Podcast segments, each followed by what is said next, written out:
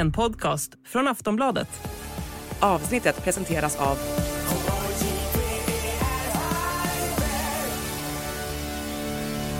Stödlinjen.se, åldersgräns 18 år.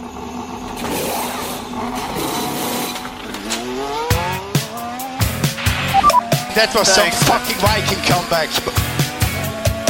Debris uh, behind. There's something strange with the engine. What the, what the? Yeah, what is this tractor? What is this tractor on track? Suck my balls, man. Get my claps and steering wheel. Steering wheel. Claps and steering wheel here. Jag undrar, Anna, om det inte är så att det här regnet och rusket framförallt som var på spa i Belgien i helgen och som så många gånger förr, om det har kommit hit till mig nu där jag sitter i min lilla lägenhet i Stockholm för att det small precis här utanför och blixtrade och det är alltså oändligt regn. Så jag tror att det kanske har tagit sig upp hit och jag undrar om det kanske till och med kommer höras in på den här inspelningen. Men det blir kul i alla fall för då blir det liksom spa, eh, det blir, eh, det blir, vad heter det när det är verkligt? Det blir som att det blir eh, på riktigt att vi är på spa fast vi är här. Ja, alltså spa för mig brukar ju, eller var ju förr i tiden i alla fall, vatten underifrån. Men numera så är det ju konstant vatten uppifrån när det gäller eh, eh, Formel 1 i alla fall. Det, så att, eh, det är väl bra om vi får lite sån här, lite känsla av eh, kombinationen ösregn, sol, väderomslag, vind och annat skräp som stör det. Vadå, V- vad betyder vatten underifrån? Ja, men att man kliver ner i ett spa. Jaha, okej, så ja. Är du en spa-person eller? Inte överhuvudtaget, men eh, jag har ju ett tidigare liv eh, levt eh, i en värld där det var många i min närhet som var det, så kan jag väl säga. Aha, just det. Det är så långt bort min verklighet att jag inte ens kopplar att spa är ett spa där man ska relaxa och sådär. Nej, precis. Jaha, vatten underifrån, här är det vatten överifrån. Där var du lite snajdig. Någon gång så får man till det, det är inte ofta. Det här, det, här är alltså, det här är alltså mina första minuter på vad som är tänkt att vara en, eh, någon slags semester. Och när jag då kollar på väderprognosen så är den liksom belgisk eh, hela veckan ut. Det är alltså spöregn, åska och regn och det är liksom inte ens, det, det ska regna så pass mycket så att jag inte ens kommer kunna spela golf. Nej. Regn. Nej, men det är ju sådär lite grann den här sommaren 2023 som skulle bli som värre än sommaren 2018. Det har inte riktigt varit i närheten av någonting sådant, i alla fall inte i de delarna av landet eller eh, andra delar av världen som jag har rört mig i under den här sommaren. Mm. Belgiskt väder. Apropå golf så var det en eh, av våra lyssnare som hörde av sig till mig att i och med att jag har ju hintat många gånger om att, jag, att det spelas golf. Var det en av våra lyssnare som hörde av sig på Twitter, Patrik Björklund som skrev till mig på Twitter och frågade om klubborna i och med att vi ofta nämner att jag är lite lång och att jag då har förlängda klubbor som ville ha specifikationer på vad jag hade för klubbor och då snackade vi lite golf jag och Patrik Björklund. Det tyckte jag var roligt att eh, när, när sånt händer, när folk, när folk hör, eh, liksom, eh, ja, hör av sig på olika ställen. Och igår, när det var, idag är det måndag, eh, spöregn och åska. Igår så skickade jag en bild på dig på F2-vinnaren av Belgiens Grand Prix, Enzo Fittipaldi. För att när jag satt och jobbade på Sportbladets redaktion så häpnade vi över vilken liten plutt det var. Och sen läste jag då att han var 1,68. Men han ser alltså ut att vara 1,29. Han ser ut att vara hälften av Yuki Tsunodas längd. Ja, han, men jag undrar lite grann hur den där, där bilden är tagen som du skickar med. Alltså han ska vara 1,68. Jag eh, tror väl att det är en glädjekalkyl, eh, de där 1,68 tagna i någon form av platåskor. Samtidigt ska vi veta att den kvinnan som han står och eh, pratar med på den här bilden, eh, 1,83. Det har jag kollat upp. Ja, hon är, jag kommer ju inte ihåg, ja, och, men hon har väldigt gärna högklackat. Jag kommer inte ihåg vad hon heter, men hon har jobbat för Mercedes och numera jobbar hon för F1. En brittisk Hon såg i alla fall ut att vara, hon såg ut att vara tre meter lång Ja, i, när hon stod bredvid honom i alla fall. har, eh, trots att hon jobbar i en, en eh, miljö med väldigt många korta personer så går hon i, eh, gärna i högre skor. Vilket gör att hon är säkert runt 1,90 där, skulle jag tippa. Och där, därför ser det kanske något annorlunda ut. Till och med jag ser ju lång ut i de där sammanhangen i många gånger. Ja, jag, jag bara kom, jag kom dit apropå snacka längd och golfklubbor och, och sådär. Nu small det igen rätt rejält här. Det är bra att vi kör på, jag kör på laptop här i alla fall. Annars är det så att eh, Eh, det, skulle kunna smälla så pass mycket här att eh, elektroniken slås ut. Så det blir spännande att se. Men jag kör ju på, eh, på laptop så vi kommer, vi kommer kunna klara oss. Det får man ju tänka på en gång när jag i min tidigare karriär när jag jobbade som låtskrivare satt på mitt förlaget som jag var signad på på, på Södermalm på Bytestorget, Scandinavian Songs. Då satt vi och jobbade där en dag och sen helt plötsligt så dog alla datorer. Man satt mitt i sessions allihopa och jobbade. Allas datorer dog, förutom min, för jag satt och jobbade på laptop, så alla blev av med sitt e- heldagsarbete, typ. Och då var hela Södermalm slogs ut av, eh, av elektronikkaos, men då klarade jag mig. Så laptop är livet. Laptop i livet. Du, men ska vi inte smälla in oss i den här eh, racehelgen då? För jag känner att det finns ganska mycket saker att prata om. Och jag har ju förstått nu när jag har suttit och lajvat en hel helg att det faktiskt är många som hänger både på liven och vill gärna lyssna på eh, våran F1-podd Plattan i mattan där vi diskuterar igenom de där sakerna som kanske inte är så självklara. Ja, spännande. Jag är nyfiken på vad de sakerna som inte är så självklara är. För nu har vi ju tagit oss igenom en sån här helg igen. Det var inte så länge sedan, det var lite halv... Eh, ah, det, det, var lite lurigt att eh, planera podden, för de här sprinthelgerna är ju, eh, vad ska man säga, poddlogistiskt svåra, som jag har sagt många gånger, och även så här. Så jag vet inte vart vi, vart vi börjar, men vi, vi får väl försöka köra kronologiskt som vi kanske har eh, gjort innan då. Eller om du inte hade något annat som folk ville veta. Nej, men det jag kan tänka på är ju att eh, det har ju faktiskt pratats om att det ligger ett förslag på att man ska förändra lite i sprinthelgerna till nästa år. Att man eh, istället, att man lägger kvalet till sprinten på fredagen.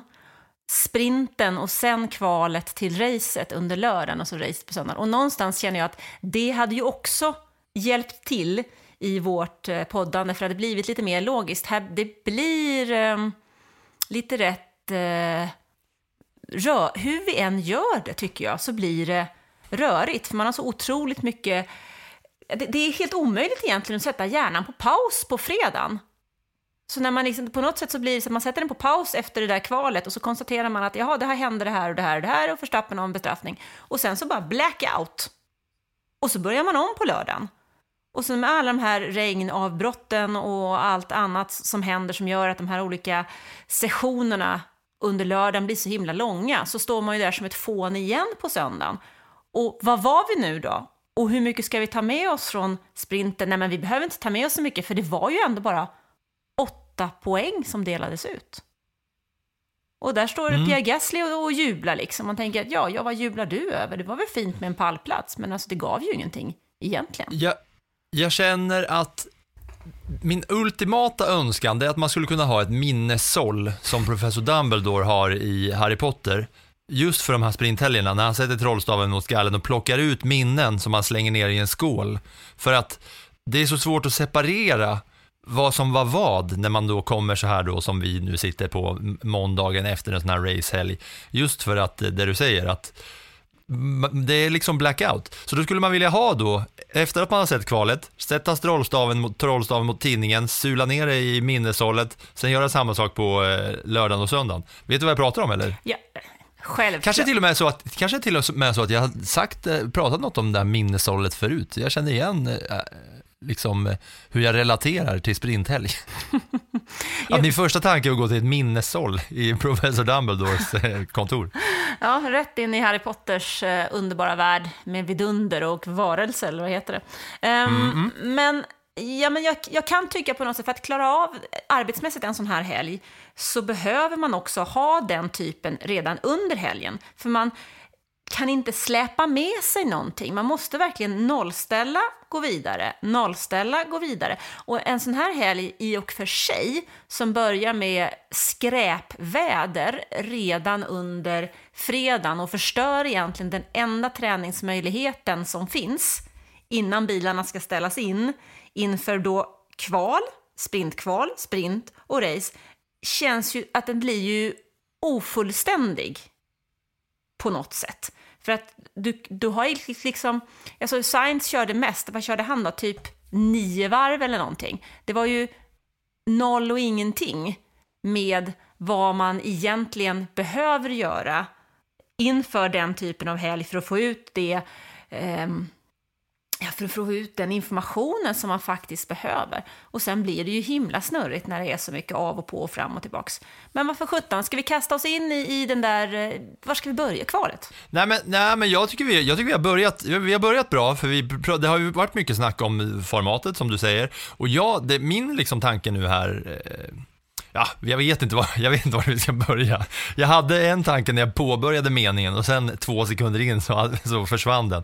Vi, vi, vi, kanske ska säga hur det gick i racet, vi kanske ska säga hur det gick i sprinten, vi kanske ska ta det kronologiskt. Men det som hände i sprinten i alla fall, bara om vi pratar format och inte vad som har hänt och faktiskt racing, så tänkte jag i alla fall under helgen att, för det som hände i sprinten var ju att det var så mycket regn så att det blev uppskjutet och då kände jag så här, det vill alltid Alltså av alla banor så är det väl oftast stora regn och ruskproblem i just Belgien. Så jag har ju tänkt att så här, var risky att välja att göra sprint just i Belgien, där man historiskt sett ofta har så mycket regn. För att sprinten ska ju vara då kort och liksom actionspäckad. Men om man då ska börja racet bakom en säkerhetsbil, någon ska våga gambla ifall det är för blött eller för torrt, så det blir ett gulflagg och några varv bakom säkerhetsbil, då sitter man ju där och det var ju liksom på vippen att man körde bara 7-8 varv av den här sprinten liksom efter att eh, Lance Stroll kraschade ut sig när han skulle göra då liksom ändå ett legit försök att gambla lite när han skulle gå på slicks ja, men... eh, på det där racet. Och då, det, blev, det blev ju inte så mycket då. Då tänker man, särskilt då jag som efter förra helgen har pallrat sig ut till en racingbana, man är, man är där hela dagen och så längtar man liksom för själva liksom, ja, eh, stjärnan på julgranen eller löken på laxen som är Formel 1-racet. Eller ja, då i det här fallet sprinten. Som, men då får man ju ingenting om det då bara ska köras liksom av 15-14 varv så körs hälften bakom säkerhetsbil och ja, du fattar vad jag menar. Just att välja att placera sprintracet i Belgien. Men du, du glömmer ju bort en sak här och det är att normalt... Ja, det gör jag. Jag glömmer nog bort många grejer. Ja, men en sak det är att normalt sett så körs ju eh, racet i Belgien. Det är det första racet efter sommaruppehållet. Så har det ju vanligt enligt traditionen. Men det finns, och då har man haft problem med regn. Men för att undvika det så flyttade man racehelgen till den månad när det är minst regn enligt statistiken i Belgien. För den, den tidpunkt på året när det är minst regn i de här bergen som, som Spa ligger där i Ardennerna, det är alltså slutet av juli fram till mitten av augusti. Så man hade ju gjort ett försök här för att man ville testa att ha ett sprint på en så lång bana som 7 kilometer. Det är ju himla långt, alltså 7 kilometer. Jag tyckte jag sprang, sprang länge i morse, då sprang jag liksom sex och en halv. Och det var inte ens varit ett varv på spa. Så att det är ju en himla lång bana. Och det, egentligen så tanken med det är ju god. Däremot så ställer ju vädret till problem för att vädret inte är så som vädret var planerat att vara. Man gjorde ju en tanke om flyttar. Så att jag tycker Kul inte man ska försöka planera väder. Nej, men man vet ju, du vet ju också hur, när du har monsunsäsonger, du vet ju när det är eh, man kan ju bara gå tillbaka och titta på statistiken så ser man ju ungefär. Normalt sett, normalt sett så regnar det inte så där mycket i Stockholm som det har gjort eh, den här veckan. Liksom. Eh, normalt sett så kan jag sitta i Skåne i början av augusti och, och njuta av eh, sol på stranden och varmt vatten. I år är det typ 30 13 grader i vattnet. Så mm. det är ju inte riktigt, värmeböljan kom ju väldigt tidigt i år, så man kan inte bara skjuta ner och säga, för de hade faktiskt en idé och en tanke som jag tycker var god. Sen kan vi inte rå på vädret och då blev det som det blev. Det var inte bra att ligga så länge bakom säkerhetsbilen en sprint, men vilka alternativ finns? På spa där sikten är så dålig. Jag såg till och med en tweet ifrån, jag tror det var Autosport, där det skulle vara två bilar på bilden. Den e- ena ser du, den andra ser du möjligen konturerna av, men det är två bilar om man tittar riktigt noga. Så dålig är sikten. Jag fick också mycket, mycket eh, från de här otroligt engagerade läsarna på, på liven som liksom undrade, men varför eh, varför kör man inte? Det är väl bara att köra. Ja, jo, för den killen som ligger först så är det inget problem, men för bil 10, 11, 12 och 13 så är det inte riktigt lika enkelt. Nej, eh, och det är ju också en grej som man pratar mycket om. Det finns, eh, apropå det där att planera vädret, det finns ju ett gäng som man kan lita på när det kommer till att planera väder. Vet du vilka det är? Lita på, det är ju inte SMHI i alla fall. Nej, nej, det är kineserna.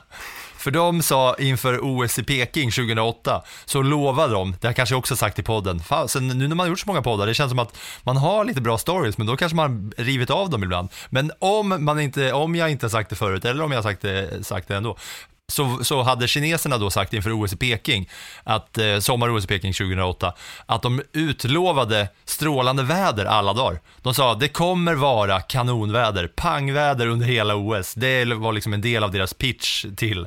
Och då tänkte man, jaha, hur ska de göra då? då? Hur kan de planera bra väder? Nej, vi spränger bort molnen. Så de körde ju upp bomber, och smällde bort molnen så att de liksom sprängdes bort. Sen eh, vet jag inte hur mycket av det där som var liksom eh, vetenskapligt, eh, som, som var, var korrekt och eh, liksom eh, okej okay, så att säga. Men det var deras grej. Och mm, tror fan att det var bra väder på OS i Peking. Alltså jag var ju där på Paralympics eh, några veckor efter efter OS. Och vad jag kan minnas så har jag nog sällan upplevt en sån strålande blå himmel och så få ja. bilar som vad jag upplevde de veckorna. Det var en eftermiddag vet jag som man fick springa från fågelboet för det vräkte ner. Men, men eh, annars så var mm, det då, rätt schysst. Ja, så om det är några man kan lita på när det kommer till att göra väderplanering, då är det kineserna. Belgarna, not so much, för att de kanske håller sig liksom inom mänsklighetens rimliga ramar mer och fattar att man ska påverka regn och rusk. För rusk blev det. Okej, okay, nu har vi snackat format. Är det något mer vi ska säga om format och det snacket som har varit kring banan och det som har varit om den dåliga sikten och det tragiska dödsfallet eh, Dino Fanthoff som eh, många la ner blommor och så pratar man om just eh, Eau och synen där uppe där den olyckan hände för att man inte ser någonting när man kommer ovanför krönet. Alltså de två dödsolyckorna vi har haft där de senaste åren då, eh, Dina von Hoff och även Antoine Hubert, är ju båda bilar som har blivit stående på banan, som har blivit påkörda. Eh, och det har ju också skett olyckor i annan typ av racing som inte har varit eh, FIA-relaterad på samma sätt eh, på den banan. Så sikten är ju svår. Man behöver säkerligen se över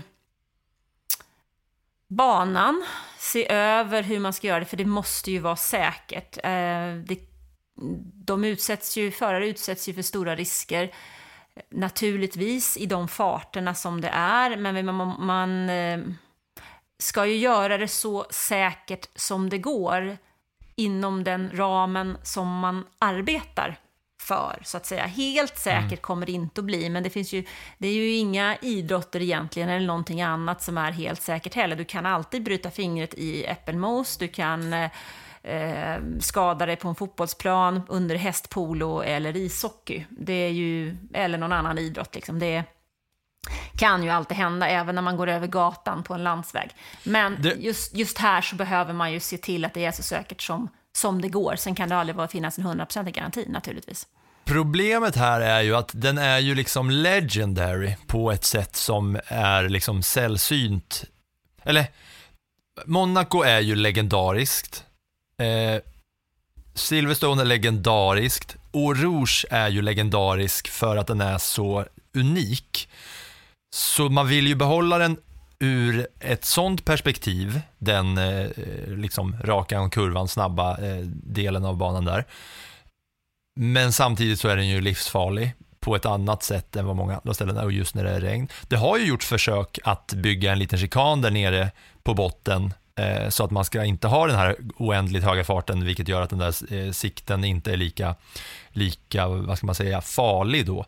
Eh, är det något sånt man ska kika på liksom, och göra om banan där i krokarna just Alltså det är ju lite sådär, eh, farligt kan man säga när man kör i 320 km i timmen på en raka och man inte har en sikt på 50 meter. Det är klart att det kan hända saker.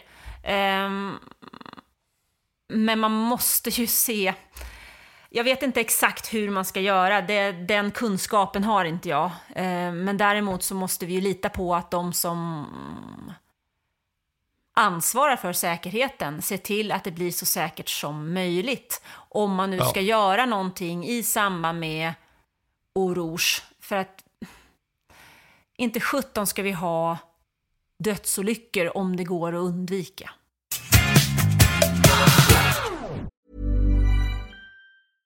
Hey, I'm Ryan Reynolds. At Mint Mobile, we like to do the opposite of what Big Wireless does. They charge you a lot, we charge you a little. So naturally, when they announced they'd be raising their prices due to inflation, we decided to deflate our prices due to not hating you.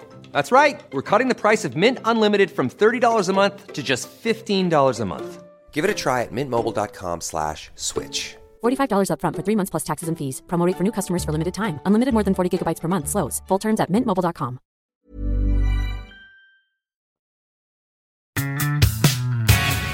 Nu tar vi oss eh, igenom den här helgen från start till mål kronologiskt och då börjar vi med det som var kvalet till racet på fredagen efter träningen.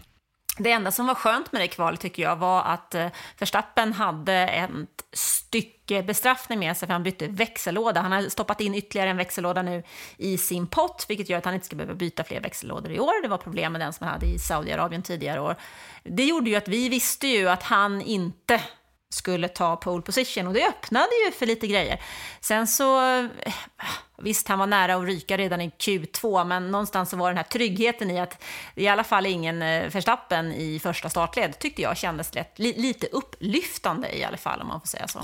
Ja, men även utan den bestraffningen så var det ju alltså, tyckte jag, jättespännande ur, ur den aspekten att Verstappen i Q2 låg på plats 11 när tiden runnit ut.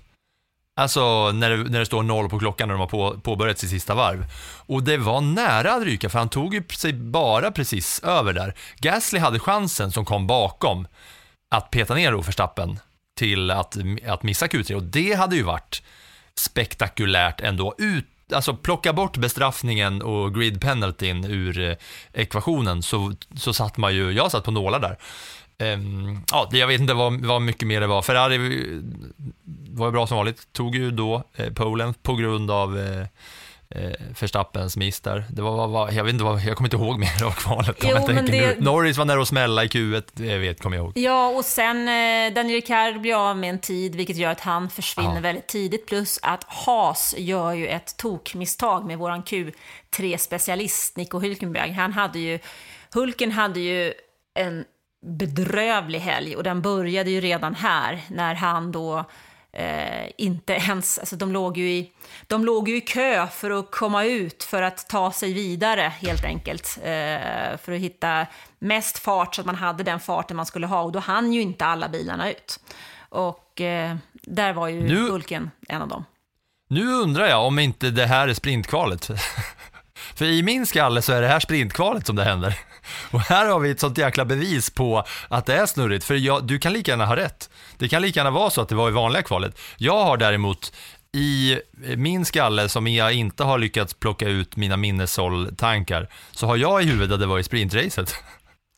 Jag tror eh, att Och, och vi, låter, vi låter det vara så nu då, eh, för att eh, om, vi, om vi bara säger hur kvalet gick i Belgien, eh, så startar de ju alltså, Leclerc fick ju pole, Perez eh, hamnar ju som tvåa, Hamilton trea. Hamilton såg fortsatt bra ut. Sen var det Sainz och Piastri som hade också en eh, kanonhelg fram till racet och så Verstappen som fick starta sexa då med eh, den där bestraffningen. Men alltså, för Hulken startar ju sist och han startar från pitlane. Han passade på att byta ut massa delar. Så eh, jag ser nu hur du googlar frenetiskt, Anna, och jag, jag tänker att det är roligt att, att ha kvar för att vi är båda förvirrade och det är liksom transparens kring hur snurrigt det, det kan bli med det här och just det vi har pratat om, att det är svårt att separera delarna mellan varandra. Har du kommit till något svar nu? Nu sitter du på mig. Om jag kommer till något svar, alltså jag vill ju med bestämdhet eh, hävda att eh, Hulken var värdelös i båda två kvalen. Ja, det är korrekt. Han hade ju, han hade ju den värsta helgen av alla, Nej, väl? men eh, Ricciardo vet jag, han missade, han vart, han vart struken med sin tid, är jag rätt övertygad om, eh, där och gick inte vidare. För det har jag för mig från när jag sett och lajva. Däremot så kvalade Mm. han in bra i sprinten. Ja, men eh, alltså oavsett om det var nu i kvalet eller i sprintkvalet, det som hände med Hulken, han fick inte ens sätta en varvtid. Nej, han kom inte ut. Han kom inte ut. Eh, de eh, misslyckades ju med hela... Han var skitförbannad efteråt. Um, och det var han ju egentligen. Han är alltså sist i båda kvalen. Han sätter inte ens en tid i sprintkvalet. Han sätter en tid i den andra, men det är ju den är, det är en gammal tid. Så Ja, att, nej men då, då var det i sprintkvalet som det hände. Då hoppar vi kvalet nu. Nu tar vi oss sprintkvalet, för sprintkvalet påverkade sprintracet mer än vad kvalet påverkade racet. Sprintkvalet, där satte inte ens Hulken någon varvtid, för att som du sa, så var det lång kö för att ta sig ut. Och då när han då kommer på målrakan så måste man ju över mållinjen innan tiden har runnit ut. Och när Hulken rullar förbi, då eh, då fattar han ju det. Han säger “Wow, I think that's it, no?” Och så svarar eh, hans engineer i lurarna “Unfortunately, that's it”. Och Hulken svarar “Very interesting execution there”. Sorry Nico, we got it wrong. Så de erkänner att det var deras fel att de lät honom sitta där och vänta på något sätt då, eller? För det, blir, det är ju verkligen eh, huggsexa och rävspel om att eh, i den sista kurvan, just för att det är en sån långsam passage precis innan eh, Eh, start och målrakan. För i vanliga fall så kan man ju sätta fart liksom innan sista kurvan på många banor, men här så är man nästan stillastående när start och målrakan börjar. Ja, men jag upplevde att egentligen båda kvalen var, det var samma problematik egentligen i båda kvalen med lite osäkert väder och eh, tveksamheter kring eh, när man skulle ut för att få rätt, kunna sätta sitt varv i rätt tid för att inte riskera att sätta sitt varv för tidigt. För sätter man sitt varv för tidigt så ja, det var ju det som hände med, med Perez i sprintkvalet exempelvis. Plus att kunna komma ut när det är så många bilar som ska ut samtidigt i Q1 så blir det ju ett problem när man är 20 stycken. Då kanske vi ska säga att det är tur nu att vi har 10 team och inte 13 liksom. Mm, för det var ju alltså långa, långa, långa köer och man vill sätta en sen tid för att det har regnat och då ju fler bilar som kör med sina däck i spåren plockar då bort vatten, vilket gör att det blir torrare och ju fler varv som körs, desto snabbare går det under hela tiden. Så därför vill man sätta sin tid så sent som möjligt. Och det var ju det som var det luriga. Sen var vi då i, i sprintkvalet när vi kom till då Q2, dit eh, Lance Stroll hade tagit sig och då började det torka upp och det såg ju inte jätte, alltså det, eh, med samma däck som alla andra så, så såg det inte kanon ut för Stroll, så de, de drog en rövare i Aston Martin och sulade på slicks på honom. Han eh, var ju ganska skeptisk direkt på utvarvet när de säger till honom bara, ah, ja men vi måste committa till det här nu, nu är det bara att köra, satsa allt vad du kan. Och det såg bra ut när han satte igång det där. Men eh, sen så drog han, ja, ja, sladdan av banan för att det var för halt. Och då blev det röd flagg och så ledde det till att hans teamkollega Alonso inte heller fick sätta någon tid där i Q2. Totalt var det fyra förare som inte fick någon tid i Q2 på grund av det här rödflagget. Och det är ju också en aspekt som liksom ställer till det mycket. Man gillar ju att de gamblar, men det får ju konsekvenser på hela fältet. Ja, absolut. Absolut. Um det, hade ju, det, alltså det som är knepigt också, vi sa den här banan är 7 km lång, det är det som är så knepigt också. Det kan ju regna i en del av banan och eh, vara torrt väglag på en annan del av banan. Det är så, alltså 7 km är långt alltså. Mm. Ja, det är ju det är ju nästan en mil från ena till andra sidan. Nej, det är det ju inte eftersom att de åker ju runt på något sätt. Men just den här banan är ju det är ju från, från ena punkten till punkten som är längst bort från den andra så är det långt. De andra är ju tajtare så att säga. Det är mer kurvor som går runt omkring i banan. Men eh, i sprintkvalet så eh, slutade med att Verstappen var snabbast, såklart. Piastri, som då hade en kanon, eh, kanonsession där i, i, under lördagen. Han kom tvåa, Sainz trea, Leclerc fyra, Norris då också McLaren återigen femma, sen Gasly sexa, Hamilton sjua, Perez åtta, nia och Con tia Russell. Det var startordningen när sprinten sen drog igång. Och nu tar vi oss in i sprinten. Äh, lite, liten kul grej först bara. Jag, Okej. eh, veckan innan så var det tre tusendelar som skilde i kvalet. Nu var det elva tusendelar. Jag drog ut en, en liten fråga hur långt det är, för då, oh, då hade någon fantastiska engagerade läsare där eh, som faktiskt räknade ut att på den här banan skilde det alltså 61,6 kilometer, nej, centimeter, haha! 61,6 centimeter skilde det mellan Verstappen och Piastri på 7 kilometer. Det är inte mycket. Vad betyder det ens? Att om Jag hade- försökte, om bo- förra veckan bilarna- försökte... Bilarna hade kört bredvid varandra. När de var i mål så här var Verstappen då 61,6 centimeter före Piastri om man har startat bredvid varandra. Om du tänker som Ja. ett 100 meters lopp liksom. Ja, och då håller man en klassisk skol, skollinjal framför sig. Finns det en skollinjal eller längre? Du och jag växte upp med skollinjaler i trä och sen ibland så hade man eh, plast som man kunde bända. Har man skollinjal nu, du som har eh, ungar? Ehm, alltså min, Känns inte som att det finns längre. Man tar upp iPhonen och mäter. min son som läser teknisk linje, han har en eh, linjal. Ja, det är bra kar kommer det bli. Men alltså, Piastri höll ju upp så här mellan tummen och pekfingret i depån när han skulle visa vilken, hur, hur nära han var. Liksom. Mm. Men egentligen är det skollinjalen som är avståndet så att säga. Ja, men typ. Ungefär det man mäter. Men typ. Ja. Förra veckan försökte vi ju i ljud beskriva vad 11 000 delar var. 3000 delar. El-. 3000 delar. 3000 delar, ja, så hette till och med avsnittet. Det försökte vi förklara i ljud. Eh, det var kanske, det var bra, då försöker vi förklara det i bild då, visuellt, vad den här tiden var. Det är bra, då går vi i linje. Och det ledde ju då till att Verstappen tog pole. Fast är det På- pole i sprinten? det är Ja, väl första ja. startposition egentligen? Ja, Jäkla exakt. tjafs det där alltså. Vi kan, vi, kan väl, vi kan väl till och med börja med, apropå det här att varje helg så vet de inte vad de ska kalla det när det är sprintrace. Vi hörde ju Horner till Verstappen s- först, förra sprintrace-helgen om vad man nu ska kalla det. That's another podium, or whatever vi ska kalla det. Och den här gången var det Piastri då, eh, som eh, tog sitt första podium i livet och då sa ju han så här. more work to do, but um, no, I'm very happy to, to get the good points. Um, first, I would say podium, but I don't really know what this is. So first top three in a sort of race. Sort of race, sa han. Han visste ju inte heller.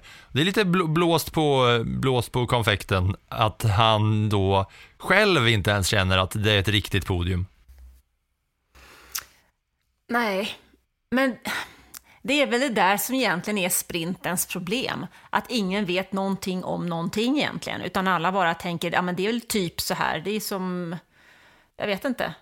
Det är typ det mesta. Och det var väl som typ allt på spa. Det är typ sol, typ regn, typ hagel, Ja. typ blåst, typ eh, intermediates, det är intermediates, det är typ full wets, det är typ säkerhetsbil, det är typ start, fast vi kör lite bakom eh, Ja. säkerhetsbilen först. Jag vet inte, typ. Hela, hela, hela helgen var typ. Jag undrar om det är så här att eh, det måste gå en hel generation med det här sprintformatet för att det ska sätta sig och alla ska tycka att det är det rimliga. Det vill säga, en hel generation måste växa upp och lära sig gilla Formel 1 med det här formatet för att det ska bli standard. För att som det är nu så är det ju av och på och lite olika test, så att det hinner liksom inte sätta sig och därav en av de yngsta i fältet tar ett podium och inte ens vet om han vågar kalla det podium för att det känns lite lurt för honom. Så tror jag. Ja, så kanske det behövs lite, lite mer tid i alla fall, men jag tror ju att sprinten är ju här för att stanna, i alla fall under ett par år till. Sen får man ju se, det är ju alltid så, i F1 är ju ingenting skrivet i sten, och är det skrivet i sten så kan man flytta på den stenen. Så Mm. brukar jag ju säga, så att vi får väl helt enkelt se, men det är lite så, typ. Ja, jag, började, i- jag började i slutet av racet, av sprintracet med Piastris podium. Ska vi ta oss till början, för där har vi, vi har nuddat det lite. Man startade alltså på full wets bakom säkerhetsbilen. Och action blev det ju då direkt, för att när säkerhetsbilen då släppte, bilarna tankar ju upp liksom för att köra så många varv som är liksom bestämt innan, men sen kör man ju flera varv bakom säkerhetsbil, då går ju eh, liksom bränslet ner, men då kortar man ner så att racet inte ska köras fullt, och då när, man, när säkerhetsbilen väl går in, så har ju alla då känt under tiden att full wets är inte rätt däck att köra det här racet på. Så det blev ju dunder-action direkt när eh, startfältet släpptes loss. Nu är de iväg, som Hans G. Lindskog brukade säga på eh, travsändningarna. Eller? Ja, det var, Och här, nej, han sa, här kommer de, Hans G. Lindskog. Startbilen accelererar och de är iväg. Kingan. De är iväg, starten har gått, favoriten Legant eh, Här kommer de då med tre bogey till ledningen. Det är... Alltså, trav är ju inte min specialitet. Även om jag, Nej, var, men- jag har faktiskt varit på Prix d'Amérique en gång. Eh, Ja. Det var intressant. Eh, Jag jobbar, jag har ingen aning om vad jag gjorde. Hästkrafter var det i alla fall. Men, Ja, det var det. typ.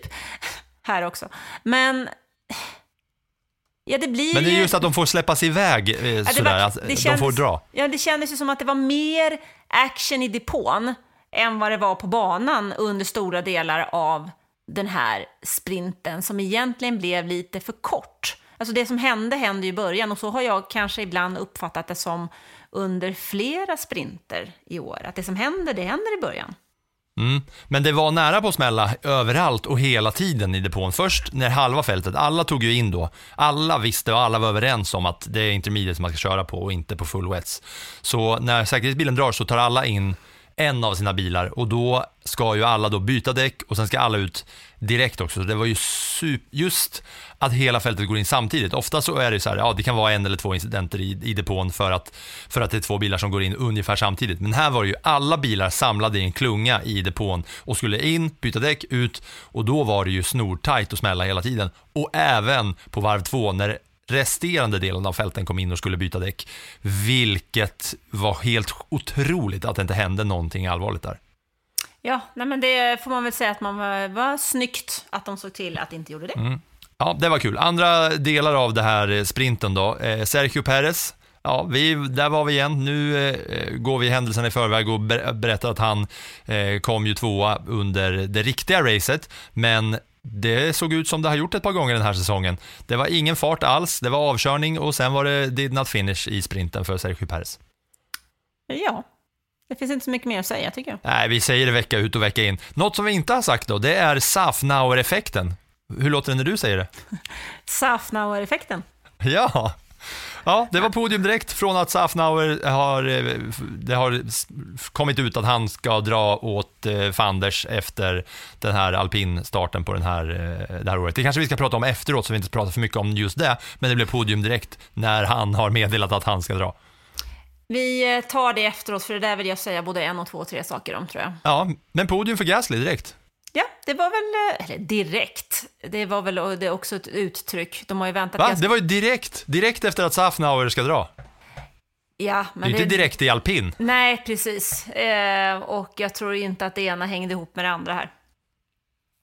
Nej, men han var glad i alla fall, Gasly. Ja, men det får han väl vara. Ja, och annars då från sprintracet, vi har snackat om racingen, så kan det ju vara kul kanske att lyssna på när George Russell och eh, Toto Wolff kacklade med varandra på radion inför, just i och med att det regnade så in i skogen där uppe i bergen. George, you have some wetness in the car? I mean, I'm underneath the tent and I just feel sorry for everyone in the grandstands. So what do you think, like removing the tent to have the real feeling? I'm not too sure the mechanics would appreciate that, but uh, unless you want to come and stand in the rain with us. Are you not on the grid, Toto? I feel like you should be standing here. Uh, Yeah, for loyalty, you know. Yeah, loyalty. yeah, you know. Uh, You know, it's even speaking into the into the garage. I'm thinking I'm closing the doors, you know. Ja, men alltså, grejen med Russell är ju att för honom regnar det ju både på insidan och utsidan av, av hjälmen. Det har vi ju lärt oss i år. Ja, ja okej, det var sprintracet. Kan vi prata om racet nu? Det tycker jag. tycker jag. Det är så mycket, man blir helt snurrig i bollen.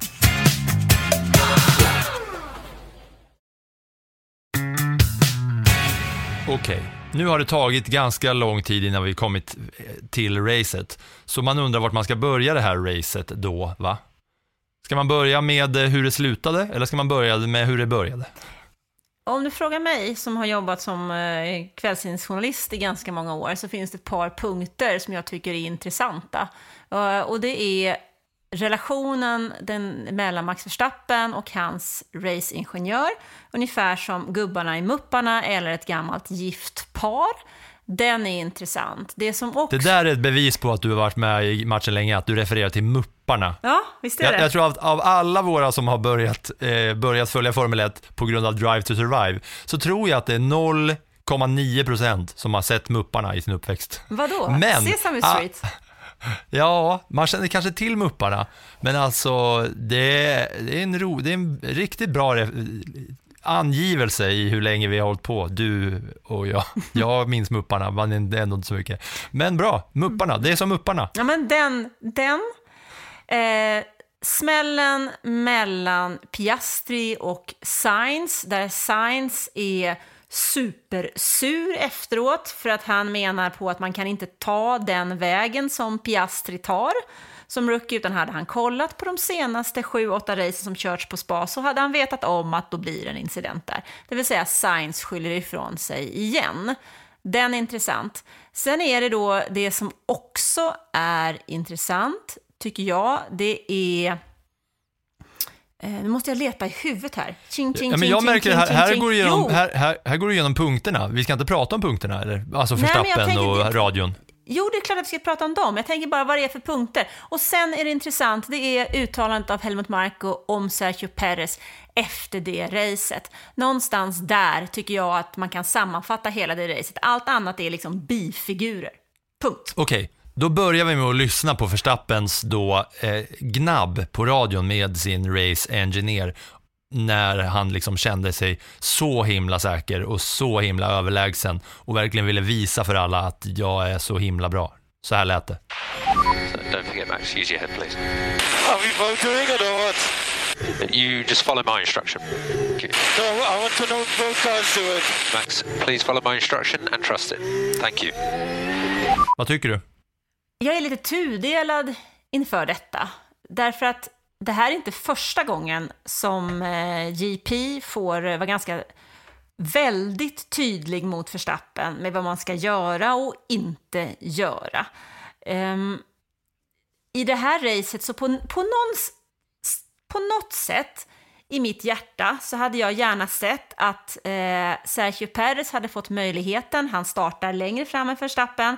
Han har ledningen i racet, att han får ta en seger för att i slutändan tror jag att det hade gynnat teamet mer än att Verstappen tar den här segern. Men alla som ser det här vet ju att Verstappen skulle aldrig någonsin låta det hända. För han är ingen teamplayer. Han är Max Verstappen och han jobbar för Team Verstappen. Och så går det framåt. Och lite är så också i den här relationen som han har med sin eh, eh, racingingenjör som försöker att styra honom. Och racingingenjörens jobb är ju egentligen att hålla koll på siffrorna, men också hålla koll på en förares känslor under racet så att han inte ska göra något dumt. Förstappen sitter i bilen, han vet hur bilen känns på banan, han vet hur, hur förhållandena är här och nu. Men racingenjören har ju hjälp av väderappar, han har koll på eh, tider, han kan jämföra med andra, han ser vilka han kör emot och så vidare. Han ska ju ha den stora bilden av alltihopa. Och här blir ju deras, eh, alltså det är verkligen som ett, som ett eh, ja, lite gnatigt gammalt gift par eller ja, Mupparna, ja, men de här Mupparna. gubbarna som satt där på läktaren. Alltså så. Ehm, och lite så. Och, Hur lät de? Hur lät de? So this is going to be a fantastic show. Yeah, it better be, because tonight we're keeping score. Yes, and on a scale of 1 to 10, here's your score so far.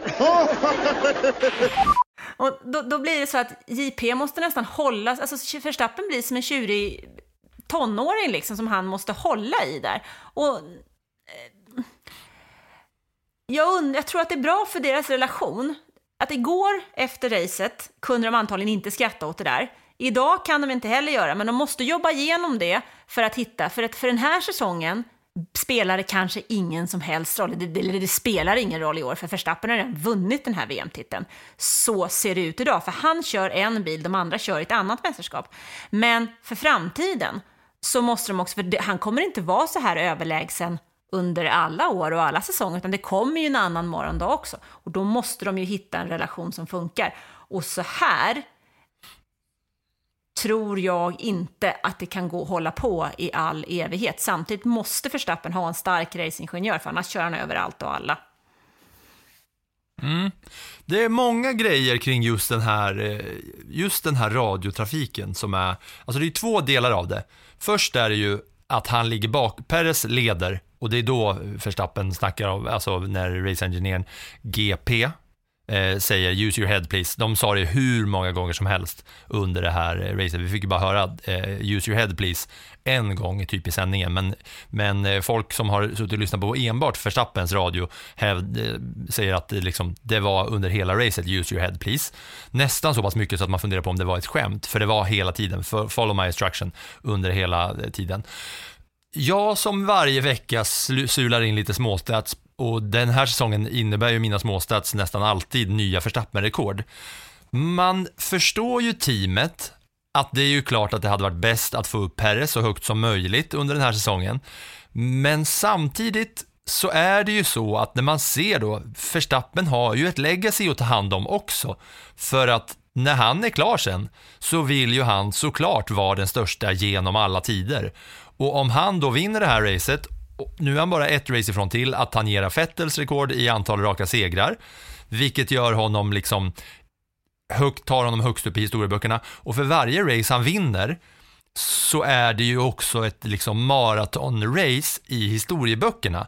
Så det känns så sjukt, alltså jag förstår Verstappen så himla mycket också, men att göra det på ett oödmjukt sätt är ju det som liksom, vad man ska säga, rör upp känslor hos mig. Jag tycker ju ändå så här, Verstappen är snabbast och bäst och han har alla de här rekorden och, och tänka på. Nu spelar inte de någon roll, men när han sen är liksom Ja, förmodligen i framtiden kommer han kunna sitta och vara 123 år gammal med vetenskaplig utveckling. Så när han är 23 år gammal, Verstappen, så vill ju han kunna sitta säkert på tronen som den bästa genom alla tider och ha alla rekord som finns. Det är den ena delen. Sen kommer vi ju till hybris och Ikaros-delen mot slutet när han är överlägsen igen och då säger så här, eh, ja, jag kan pusha mer så kan vi byta, byta däck så kan jag ta snabbaste varvet också. Och då får de återigen säga åt honom att eh, nej, det vill vi inte göra idag. I can also push on and we do another stop, a little bit of bits of training. No, not this time. För då säger han det på ett så liksom spydigt eller liksom nonchalant eh, sätt där. Sen går det ju bara några varv och så får han lite sladd upp, eh, om det nu var vid Orouge, som när han var nära att sladda av liksom. Ja, men det är ju så här, storyn om Ikaros, den handlar ju om att han eh, eh, samlade väl så mycket fjädrar, va? Så att han kunde fixa sig egna vingar. Och så flög han ju bara högre och högre och högre och till slut så flög han så nära solen att vaxet som höll ihop de här vingarna smälte och han föll handlöst. Det är Mm. väl i själva Ikaros. Grekiska mytologin Ja, va? men det är väl själva Ikaros-storyn om jag minns den hyfsat rätt i alla fall. Och där... Är det inte så att hybris hör ihop med Ikaros? Har jag fått för mig det bara eller? Hybris? Ja, det känns ju som att Ikaros fick hybris i alla fall. Ja, Och, ja och det var dit jag ville komma med Verstappen Ja, när och- han då kaxigt säger till teamen att ja, jag kanske är snabbare så byter vi och tar fastest lap också. Ha, ha, ha, ha. jo, men, och lite så är det ju också i den här att ju högre Verstappen flyger, ju närmare solen han kommer, någon gång kommer fallet. Så är det ju också. Och frågan är ju också för Red Bull, vars dryck ska ge någon vingar, hur högt de kan låta sin egen Ikaros flyga innan han flyger ifrån själva teamet. För vad är Du störst? bist så, du bist så poetisch. Ja, manchmal, manchmal. Kriege ich auch die Runde. Um, nej, men vad är frågan liksom i det här? Hur...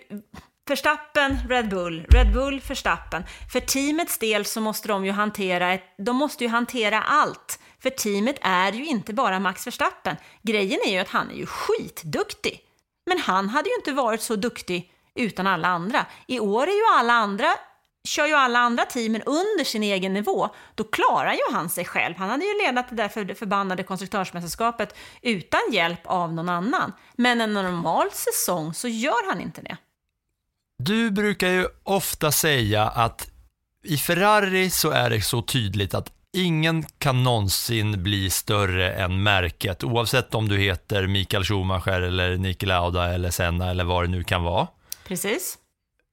Är vi inte lite i ett sånt läge nu där Verstappen kanske ändå tycker att han är större än sitt märke då, den thailändsk-österrikiska energidrycken. Det är lite det jag börjar bli rädd för. Och det är därför också när du jämför honom med Ikaros så blir man ju lite så, ja, de här vingarna alltså, hur länge håller de? För att han är ju... Verstappen är ju uppfostrad till att bli världsmästare och till att få till att alla ska jobba för honom och runt honom. Men för att alla ska göra det också, även hans hjälpryttare och teamet runt omkring, så kan han ju inte klampa på dem.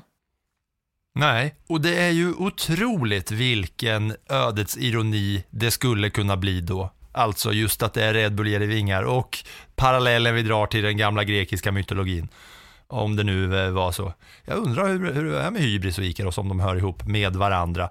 Ehm, ja, så känns det ju här. Och just det där snacket att han är så kaxig på ett sätt som han har eh, å ena sidan rätt till, med tanke på hur han kör, men å andra sidan inte vinner särskilt mycket sympatier på, kan jag tänka mig. Men eh, ja, så är det med den saken va? Ja, jo du. Okej, Mm. mer, i, mer, i, mer i racet då. Återigen så var det Safnauer-effekten även här, för både Gasly och Ocon körde bra och eh, Ocon gjorde en riktigt fin, som jag har sett många på sociala medier hylla som årets omkörning när han kör förbi eh, Synoda. Och sen sa Safnauer, något konstigt under helgen. Nej, vi ska ta Safnauer sen. Glöm Safnauer, vi struntar i Safnauer-effekten, det ska vi ta efter racet. Ocon och Gasly körde bra och eh, det var Safnauer-effekten återigen. Men sen, eh, för någon annan då som, eh, vad man ska säga, kände att den flög den här helgen så var det Piastri. Där tog det stopp under racet. Ja, men- Under den här, den här fina, långa streaken som de har haft nu när de har eh, förvandlats. Ja, men han flög ju ända fram till första kurvan där han blev eh, intryckt mellan barriären och Carlos Sainz. Sainz hävdar ju med bestämdhet att eh, Piastri är för optimistisk och övermodig. Eh, Piastri själv var väl något mer försiktig i detta. Eh, kanske kunde han ha bromsat lite senare och så vidare. Tävlingsledningen ansåg att det var en racing incident. Jag kan väl i efterhand känna att eh, Carlos Sainz eh, måste börja fundera över sin plats i näringskedjan, vart hans resa ska gå vidare och om han är på rätt ställe i livet. För just nu så känns det inte som att han är det. Jag tycker det känns som att det många gånger Sainz liksom inte upptäcker saker och ting och stöter ihop med folk. Jag tycker han känns mer och mer som en klumpeduns, Sainzen. För att eh, här, eh, ja, han- han, han liksom klämmer ju in Piastri. Jag håller väl också med, det är väl lite, det är väl lite racing incident. Men jag tycker det, man kan stapla upp ganska många gånger den här säsongen som, som Sainz har gjort grejer som man skulle kunna klandra honom för. Där han är bara, oh, I didn't know what happened. Oh, what was it? Oh, oh, oh. Nej, men det- typ så känns så här. Han, han är ju inte den här graciösa Ferrari-hästen direkt, stegrande hästen, utan han är väl mer, men jag tror att han är frustrerad. Jag tror att han är enormt frustrerad över situationen som Ferrari befinner sig i, för när han lämnade McLaren så var det ju inte det som han... Sainz, Carl Sainz är ju faktiskt en förare som har varit runt en hel del liksom. Ehm, det är, han började ju sin tid i ett Red Bull-team. Och det är lite lätt att glömma bort liksom. Men han, han klev ju in i, han kom ju från deras Red Bulls juniorteam när han klev vidare till Formel 1 och eh, började i det som då hette Toro Rosso 2015. Han har snart varit tio år i Formel 1 och han har kört för Toro Rosso, han har kört för Renault, han har kört för McLaren och han kör nu för Ferrari. Så han har varit runt i många av de här större fabriksteamen får man väl ändå säga, men han har inte nått den positionen som han antagligen hade trott och hoppats på. Det, nej, han är ändå 28 år nu och någonstans så tycker jag mig skönja en, en frustration över att han har faktiskt bara tagit en seger. Han har tagit Ja. 15 pallplatser, tre pole positions och han har snart kört 10 år i Formel 1. Hans farsa är i alla fall flerfaldig världsmästare i rally, men vart går hans resa? Och när han blir frustrerad, så blir det sällan bra. Och vi har ju hört honom på radion flera gånger, vi har hört honom i relation till eh, Charles Leclerc som är en ur-Ferrari-människa egentligen, som kommer från Ferraris akademi och Prema. Och, och det ryktas och pratas lite om Sainz eh, framtid, eventuellt Audi som hans pappa tävlade för i rally och så vidare. Så jag tror någonstans att han skyller ifrån sig här i samband med Piastri, det är nog eh, frustrationen som pratar. Jag tycker också att han skyller ifrån sig många gånger just, eh, just där. Ja, han fick ju, eh, det blev ju DNF på både han och Piastri efter den där. Sainz körde ett par varv innan det sket sig för honom också och de, de gav upp och kände att ja, det blev ett stort hål i, i sidepodden där efter att han eh, squeezade Piastri. Annars så kändes det många gånger under det här racet som att nu var förvandlingen bruten med McLaren när Norris också låg längst bak och Piastri var, var out där. För de har ju varit så flygande ett par helger i rad nu. Och det kändes lite så här i början början av det racet så kändes det lite som en sån här Disney-förtrollning. Att där gick liksom tolvslaget passerade och McLaren förvandlades tillbaka till vad de var i början av den här säsongen. Men sen återuppstod Norris igen och körde som en dåre och blev sjua. Ja, han eh, valde lite annan strategi. Han var ju väldigt tidig i sina depåstopp, eh, så han drog nytta av att de andra gick depå efter honom. Men det kan ju varit, alltså vädret här eh, var inte helt bra för McLaren. Alltså de var ju snabba, framförallt i den andra sektorn. De hade ju satsat väldigt, väldigt mycket på downforce i sektor 2 och att kanske inte då vara lika snabba på rakan. Och i sprinten, å andra sidan, så gick, var ju det liksom en, en eh, lyckträff när Piastri kör in sig som tvåa Eh, Norris är sexa där, det kan vi ju inte gnälla någonting över överhuvudtaget. Men i racet, vi vet ju inte hur det hade sett ut om Piastri hade överlevt första kurvan, vi har ju ingen aning. Så att, mm. eh, men de, valde ju, de, val, de tog ju det beslutet och valde den etappen, så får de, vi, vi vill se. Alltså det här är en väldigt, väldigt snabb bana. Det blir spännande att se hur, vad som händer på Monza. Som, de här banorna brukar ju ligga efter varandra, Belgien och sen Monza. Och de påminner ju lite om varandra. Nu är det ju Belgien, paus, stängd fabrik, Sandfort och sen Monza. Mm. Ja, det blir spännande att se. Nu kan vi väl ta oss ut ur eh, det här racet med att eh, berätta hur det gick, eller? Ja, men gör det. Det lustiga är ju annars, tycker jag, att Red Bull efter 12 lopp har typ dubbelt så många poäng som Mercedes. Ja, och det blev ju som eh, så många andra gånger för att Verstappen vann. Tvåa blev Perez nu, fick lite upprättelse, men 22 sekunder bakom. Leclerc smällde sig upp på podiet och det var han glad för ju, eh, första gången på länge, länge. Sen där bakom så var det Hamilton, Alonso, George Russell, Lando Norris, Esteban Ocon, Lance Stroll, Yuki Tsunoda. Och jag sa att eh, Alpin äntligen hade en bra helg där, men den blev ju liksom fördelad på att Gasly tog podium på sprint Eh, racet och eh, Ocon ändå knäppte in fyra poäng under det riktiga racet. Det är ju inte, inget superjubel väl, men med de orden så eh, vill jag höra dig gå loss på Safnauer eh, att han lämnar alpin.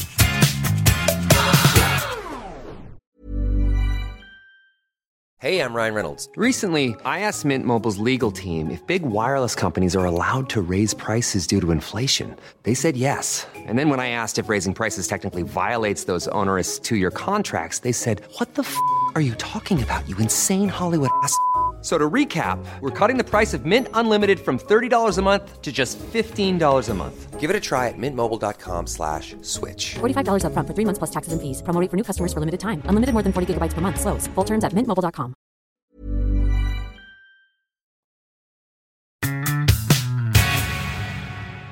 Ja, men det hela är ju lite konstigt. Tittar man på Alpin som är Renaults fabriksteam eh, då. Inför säsongen så lämnade Alain Prost.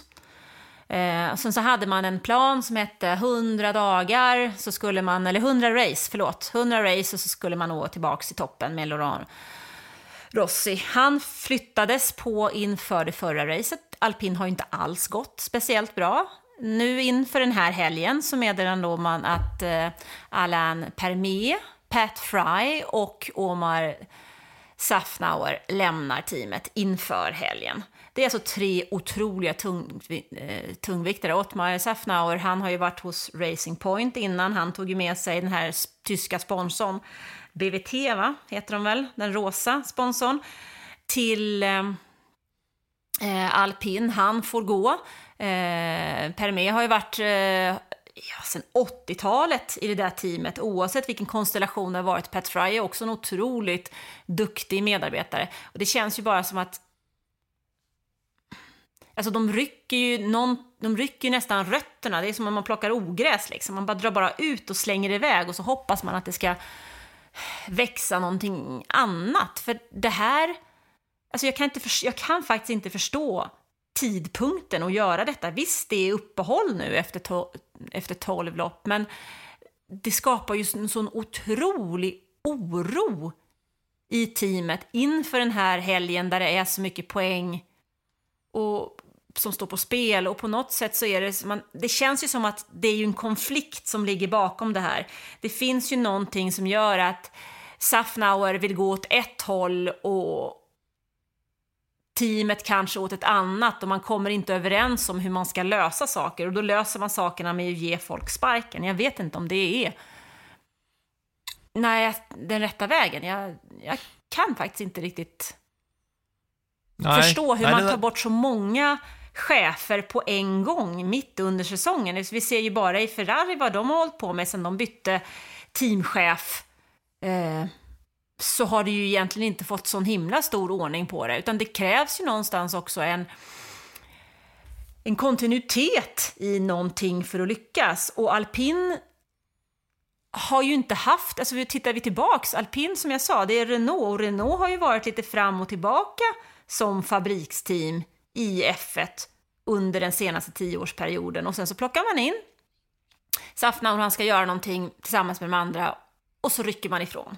Jag vet inte, men jag, någonstans så tror jag inte att eh, vi har sett det sista av eh, Ottmar Safnauer i alla fall, för han är ju en Mm. riktig F1-människa. Frågan är bara vilken position och var han kommer tillbaka. Jag reagerade på en grej som han eh, har sagt i en intervju. Och apropå det du säger att det är ett konstigt tidpunkt att bara slänga ut honom sådär. Han själv har sagt, "You- du kan inte göra nio kvinnor gravida och hoppas att du får ett bebis på en månad. Och det ska han ha sagt apropå att han behöver mer tid, att han tycker att det, han, han måste ha mer tid. Jag fattar inte den, men den har fått lite rubriker. You can't get nine women pregnant and hope you have a baby in a month, sa han. Fattar du? Ja, jag fattar hur han tänker. Det är ju inte så att... eh, Den är sjuk. eh, Och- den och liksom- är helt sjuk. Ehm, Men det var, val, var meningen han valde att sätta ihop. Du kan inte göra nio kvinnor gravida och hoppas på att du får ett barn på en månad. Apropå att han eh, vill ha mer tid i alpin. nej, han har ju säkert varit gravid också, så att han vet ju hur det är. Ja, han, ja.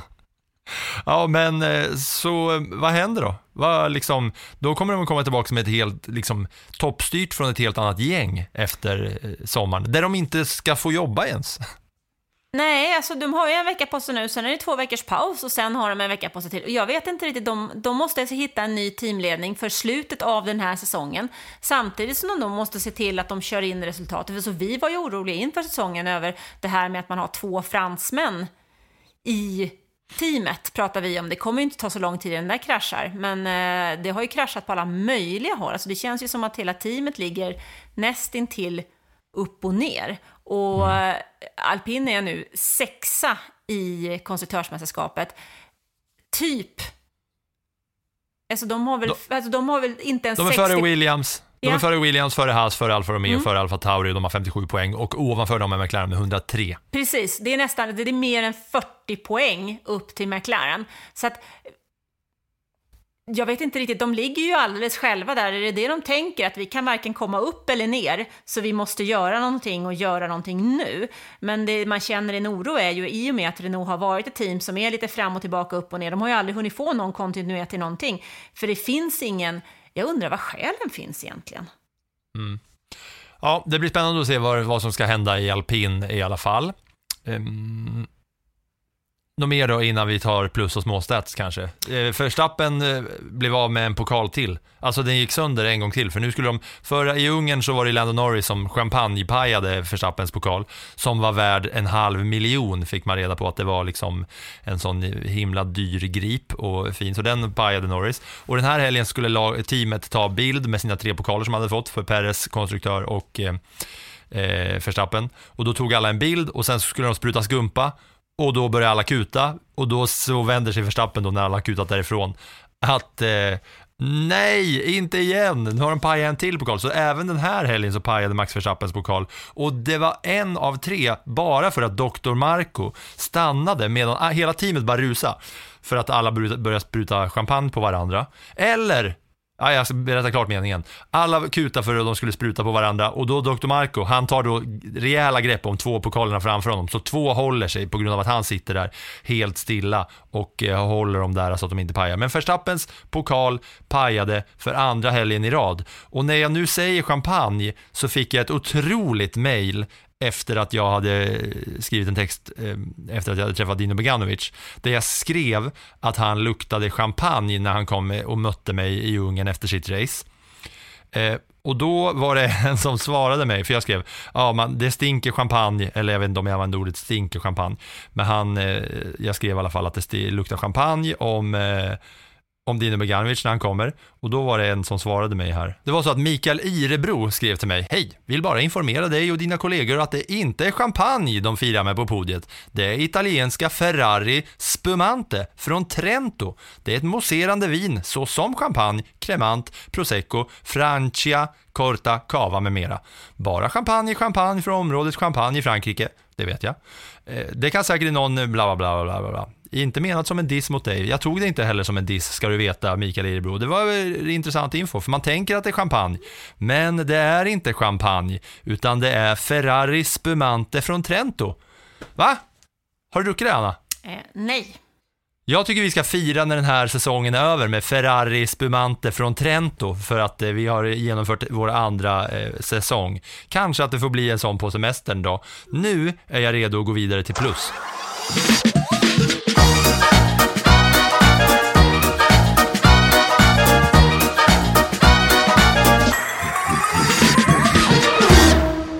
Kör vi plussen. Jag börjar med motorsportstoppet. Och eh, det är ju den här trasiga bucklan alltså. Hallå? En gång till. Jag undrar vad den här var värd. Ja, är, man kan säkert dra ihop en rejäl nota på vad, vad de har pajat för pokaler där, Red Bull. Det kan de ju behöva i sin teambudget. Och ett plus då? Det går ju till alpin, inte för att de tog en pallplats och, och, och Con körde in på poäng, utan för att det är kaos, kaos, kaos, kaos. Två plus går till eh, Yuki Tsunoda, för här snackar alla om Ricardo, men det är Tsunoda som tar pinnen. Tre plus går till McLaren. Oscar Piastris insats i sprinten. Lando Norris sjua i racet, trots att han själv inte visste hur det gick till eftersom han var helt övertygad om att han låg sist hela tiden. Det är ändå värt 3 plus. Eh, 4 plus går till Sergio Perez som är tillbaka på prispallen. Men det som jag tycker är lite intressant är ju då Dr. Helmut Markus ord när han säger att han har insett att han inte kan vinna VM utan tagit sin roll. Ingen ser bra ut i jämförelse med Verstappen och det måste man lära sig att hantera. Man är ju här för att vinna, men det går inte mot Verstappen. Får man gissa på att det är Verstappen som får 5 plus, eller? Det måste han ju nästan få efter den här eh, säsongen som han har gjort. Han kan ju ta nio segrar i Nederländerna nästa gång och då tangerar han Fettels rekord på nio vinster och det på hemmaplan. Och han kan nog ta den tionde segern sen på Monza, mitt i Ferraris hjärta. Mm. Så det var mina sista plus inför sommaruppehållet. Då ska du få mina sista småstats inför eh, sommaruppehållet.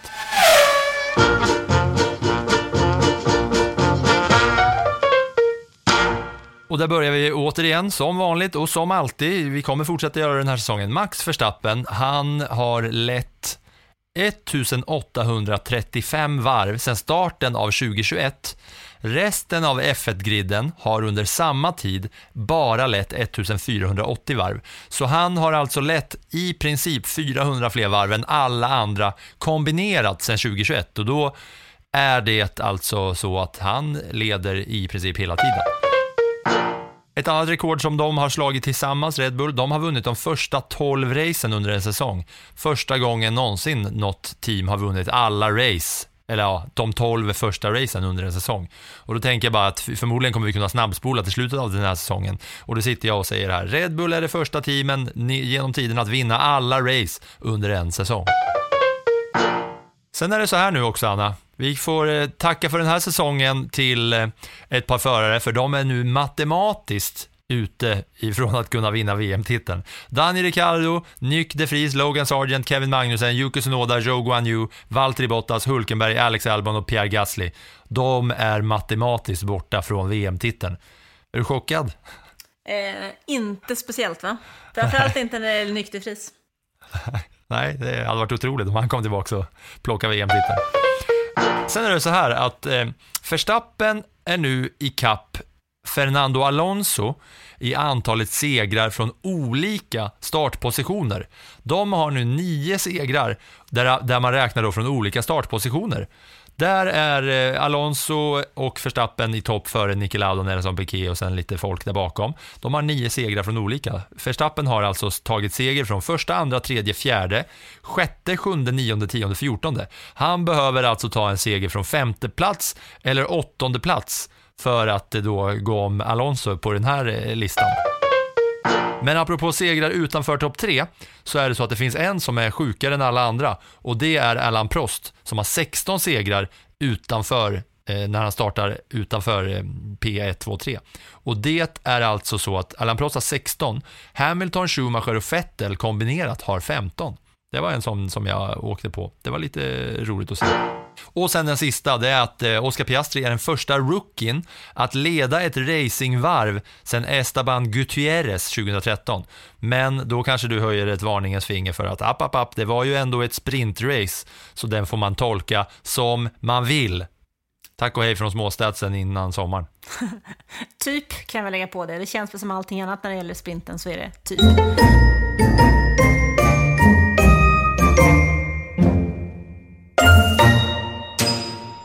Men du, eh, lite svensk koll då. Det var lite väl tungt tyckte jag ändå för Dino Buganovic den här helgen. Han var faktiskt som bäst 16 man och är nu sexa när en deltävling återstår av F3. Det var väl inte riktigt vad han hade hoppats på för ett halvår sedan va?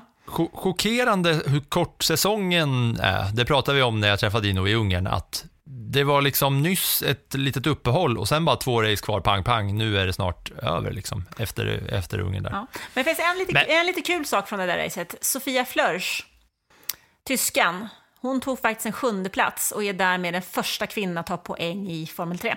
Hon tog en poäng i Österrike, men då var hon diskad efteråt. Så nu har vi haft en kvinna som tagit poäng i Formel 3 också. Det är lite kul. Och det är också jättekul. Eh, från och med det här så är liksom Dino Beganovic och Sofia Flörsch de jag följer i Formel 3. Mm. Vad bra. Men eh, sen fick jag lite eh, eh påbackning eh, när jag lajvade helgen på att vi är så dåliga på Formel 2. Och det har vi ju inga svenskar, så att jag tänkte, men jag tänkte att vi kan då kolla, för vi har faktiskt en Mercedes junior, Fredrik Westi, på andra plats i Formel 2. Och det mästerskapet leds av Theo Pocher, som är en del av Saubers akademi. Eh, plats tre är ju, ligger en japan, Ayumu Iwasa, som är Red Bull-förare. Han och Liam Lawson som leder den japanska Superformula är väl de två som man kanske kan förvänta sig få se i någon av eh, Red Bulls eh, olika varianter framöver med något test eller fredagskörning eller kanske eh, Alfa Tauri. Mm. Men du, F1 gör ju uppehåll. Men vi har faktiskt eh, lite Indycar att se fram emot och där har det spetsat till sig när vi nu närmar oss Joseph Newgardens eh, Nashville. För han tog två segrar i Iowa och har nu lika många vinster som Alex Palou. Och det skiljer 80 poäng och han har fem lopp på sig att plocka in dem där. Så det kan bli lite spännande. Eriksson är fyra i mästerskapet och Rosenqvist tolva. Och nu är det ett uppehåll i Formel 1-säsongen nästa gång vi kör på Sandfort. Och inför det racet så kommer vi snacka upp det racet. Och kommande två veckor så har vi specialavsnitt som jag ser fram emot att få dela med av. För att där eh, gör vi premiär med F1 Hall of Fame som vi har hintat om ett par gånger. Och veckan efter så har vi en mycket speciell gäst som för mig var en chock när jag, fick, när jag läste på om dennes renommé och eh, historik inom Formel 1 det lämnar jag er alla med. Och så säger vi tack för idag. Ja, men eh, tack för idag. Trevlig semester, Filip. Och sen kan jag väl säga att vill ni mer sugna på F1 så kommer F1-bloggen givetvis uppdateras även om det är stängt i fabrikerna. Mm, ni håller koll på Annas blogg dagligen och ni håller koll på Plattan i mattans podcastflöde en gång i veckan varje onsdag. Som vanligt. Tack för nu. Hej då. Tack så mycket. That was some fucking Viking comeback. Debris uh, behind. There's something strange with the engine. And then you kept up to What the, what the? Yeah, what is this tractor? What is this tractor on track? Set my Bolton. Get my claps and steering wheel. Steering wheel. Claps and steering wheel here.